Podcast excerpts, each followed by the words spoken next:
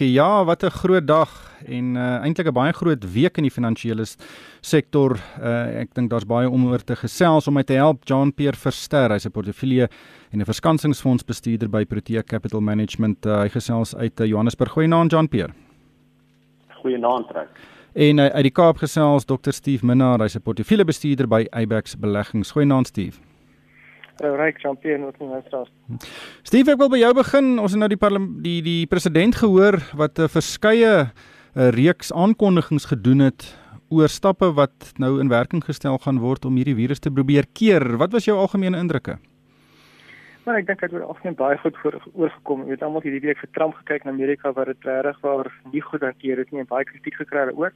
En ek dink regtig dit was professioneel, dis soos mense verwag. Dit is redelike sterk stappe, maar dit is dis die tipe stappe wat ek dink nodig is op hierdie stadium.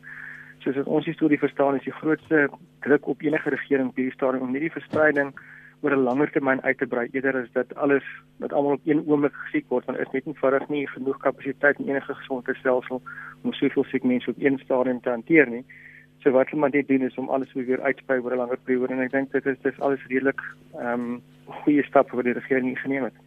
Jean-Pierre, 'n uh, kommentaar het nou in diepte gesels oor verskeie aspekte behalwe die ekonomie en natuurlik gaan hierdie stappe 'n groot impak op ons ekonomie hê. Net eenvoudig die toerismebedryf gaan eintlik tot 'n stilstand kom.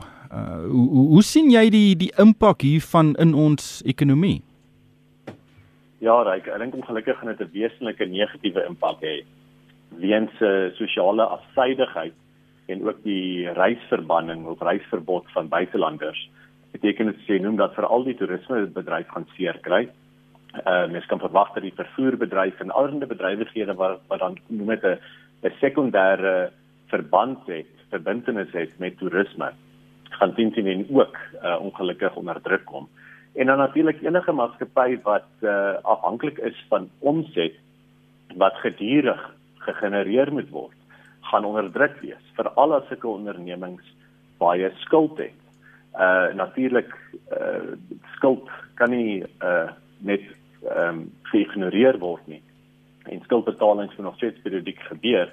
So dit beteken dat vir al daardie organisasies en besighede wat baie skuld aangegaan het in die verlede, gaan miskien nou 'n knypstang wees. En dit is veral baie kommerwekkend omdat ons vir 4 tot 5 jaar sulke lae groei in Suid-Afrika gehad het beteken dit daar is 'n wesenlike hoeveelheid besighede wat wel geld geleen het en derhalwe hoë vlakke van skuld tans het. Alles van die kleinste ondernemings, mens kan dink aan restaurante en ehm um, en en reisagentskappe tot groter organisasies, sekere groot maatskappye. Mens kan dink aan uh eiendomsmaatskappye of byvoorbeeld selfs Sasol. En daai tipe maatskappye wat baie skuld het en nou druk gaan sien op hulle omset, is veral in 'n baie fragiele situasie tans.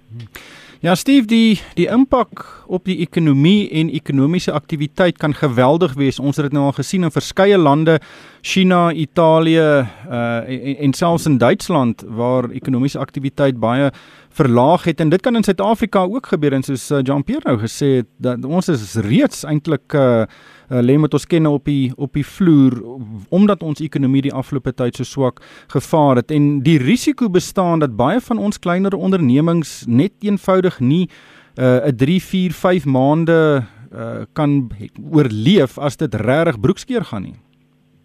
Ja, nee, dis inderdaad waar. Dis kom jy gesien dat China op die voorvoet was daar dat hy nie net met monetêre stimule gekom deur te sê dat nasionale rentekoerse sak nie, maar tog gekom op op 'n fiskale beleid en vir die banke gesê byvoorbeeld daai klein maatskappye presies die waarvan jy nou praat, wat sê maar vir 3 tot 4 maande nie hulle skuld kan delg nie, gee hulle net so 'n bietjie kans. Moenie nou onmiddellik die eerste maand vir die ou sy lening, kan terugbetaal, die lening oproep en die maatskappy likwideer nie. Gee hom so 'n paar maande grasie ehm um, met val administratiewe kostes en so. So ons het nou spesifiek vanaand nie president se se toespraak gehoor oor enige uh um stimule wat in die ekonomie insit nie, maar dis die tipe dinge wat mense sou verwag dat hulle sal doen. Ons banke is sterk, ek dink hulle het genoeg kapitaal dat hulle hierdie tipe van stimule as nie van 'n nasionale kant af kom nie, maar dalk net uit 'n uit 'n uit die finansiële kant van die van die maatskappy se kant af kan doen om te sê gee almal net so 'n bietjie van 'n asemhaalkans vir 2 3 maande. Beteken nie jy nooit jou lening terug te betaal nie, skuld is skuld, maar gee net so 'n bietjie asemhaalkans. Ja. Jean-Pierre die president het ook gesê daar gaan stappe aangekondig word om die ekonomie te ondersteun. maar hy het ongelukkig nie gesê presies wat daardie stappe is nie.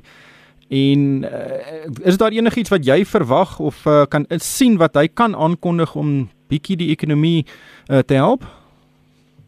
Wel as mense wenslys kan opstel, sou mense sê dat hy miskien vir klein besighede, ons het byvoorbeeld in die in die inkomstebelasting wet het ons um, mikroorganisasies as gedefinieerde tipe besigheid. Dis nou enige besigheid met 'n omset van minder as 'n miljoen rand.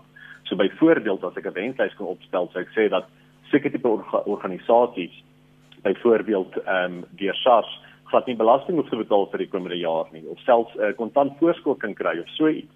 Maar dit is slegte wenslys want ongelukkig het die regering geld self ongelukkig nie die geld om regtig 'n wesenlike pakket uh, van stapel te stuur nie. En dit is die probleem. Weereens as gevolg van die laer groei die afgelope 4-5 jaar in die ekonomie, daaralwe die lae belastinginkomste wat die regering verdien het, die uh, hoë vlakke van skuld wat ons regering en semi-staatsinstellings het, die groot vermorsing van geld of dit nou Eskom of SAA of ander semi-staatsinstellings is, beteken dit dat die koffers is leeg. Daar's geen ekstra reserves wat ons nou in kan gaan wat tydens sewe vetjare opgegaar was wat ons nou in kan delg as dit kom by sewe maar jare. En ons gaan vir ten minste die volgende jaar definitief 'n maar jaar hê. Die vraag is hoe maar gaan dit wees? Hierdie kan 'n uh, nie net 'n resessie nie, maar selfs tot 'n depressie lei. Dit kan 'n regtig skerp in een krimping van ekonomiese groei wees. En ongelukkig in so 'n geval gewoonlik is dit die regering wat instaan en dan 'n uh, uh, fondse beskikbaar stel vir banke, rentekoerse sny,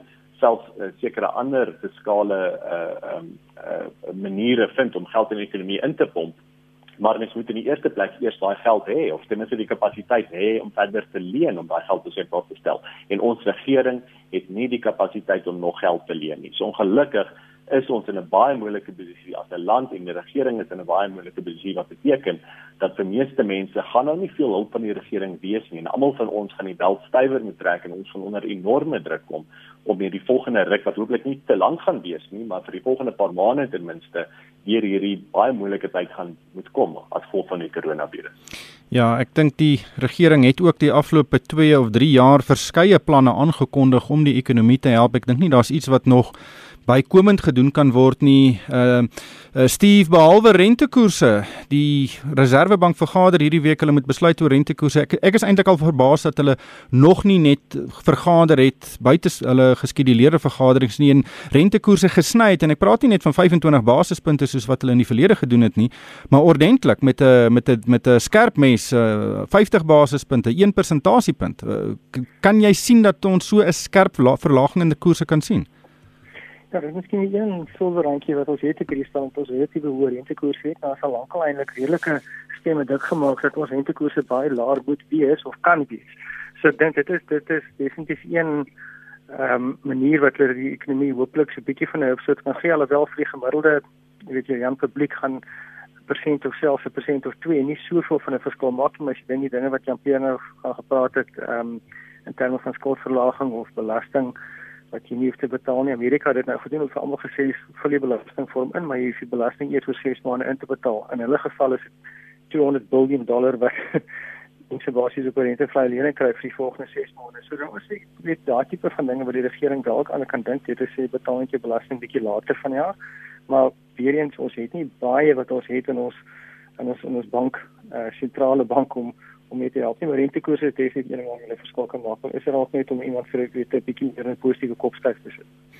Jean-Pierre kos gesels oor markte. Ehm um, ek hier is 'n tweet wat vra wat gaan gebeur met myne, banke en kleinhandelaars. Dis natuurlik ondernemings wat eh, 'n uh, groot aantal mense in diens het, maar hulle kan nie van die huis af werk nie, eh, soos baie ander maatskappye kan nie.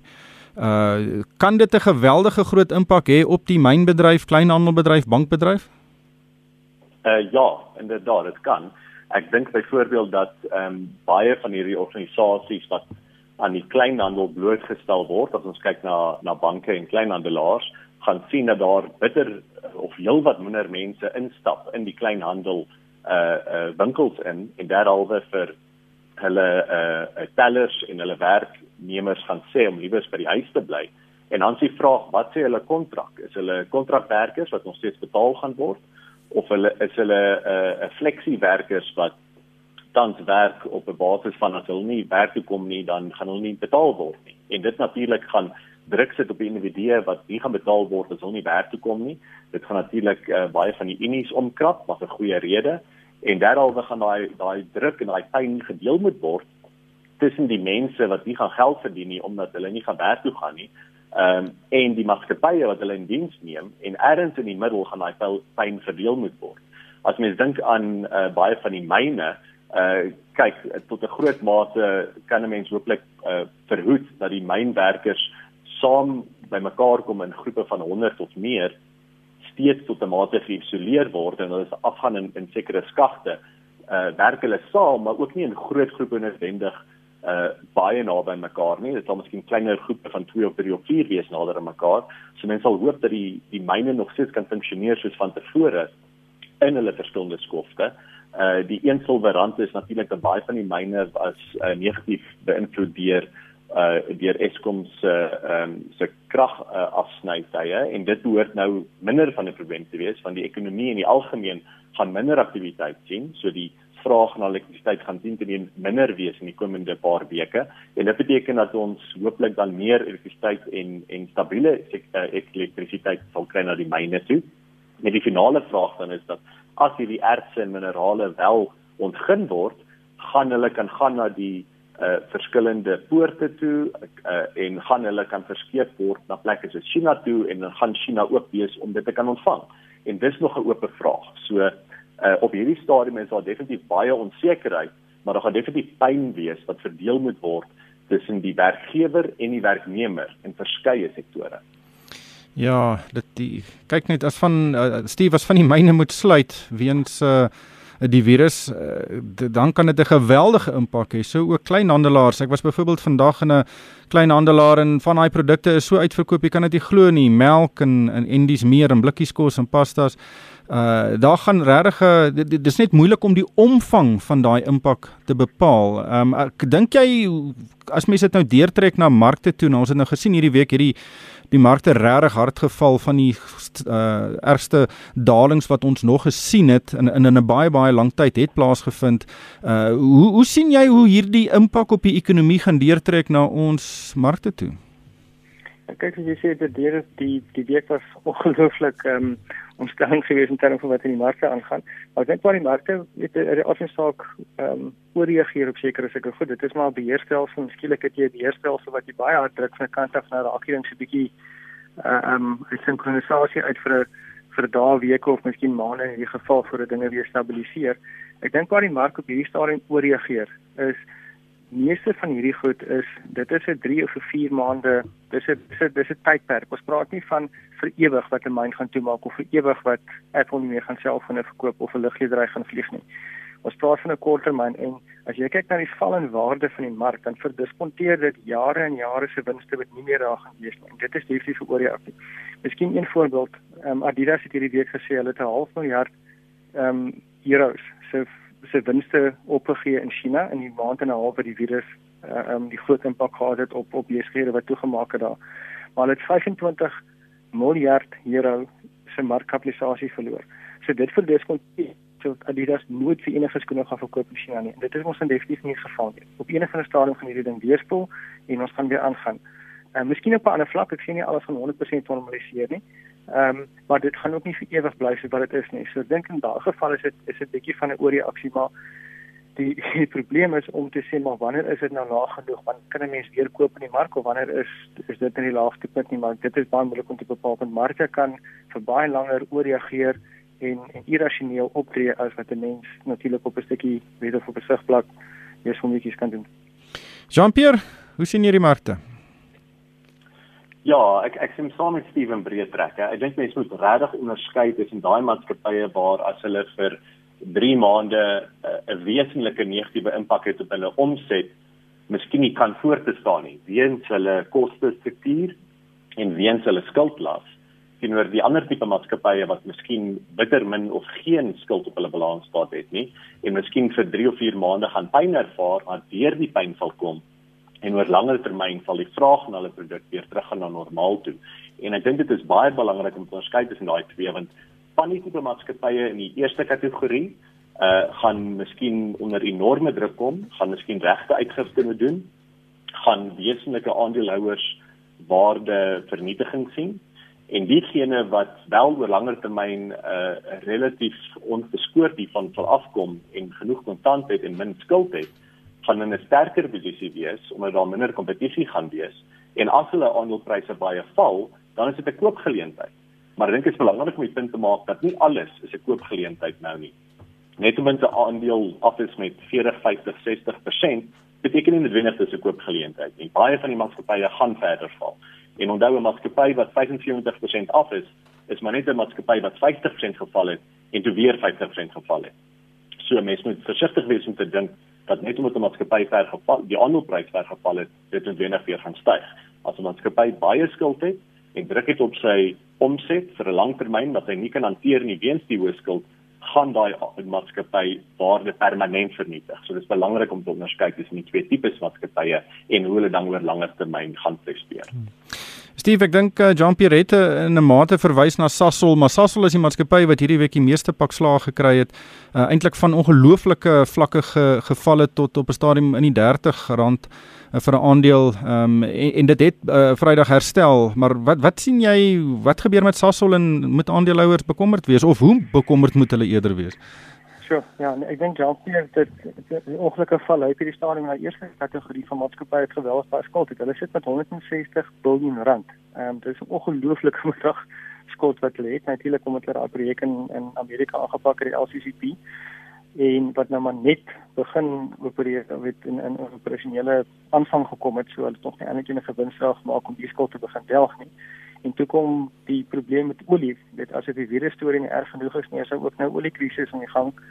Ehm um, in terme van die oliepryse wat geweldig neergeval het is wat ook rasioneel is en al, al hulle inkomste is eintlik afhanklik weet of, of word verwys na die oliepryse. Hierdie staan moet al hulle inkomste onderskerp druk.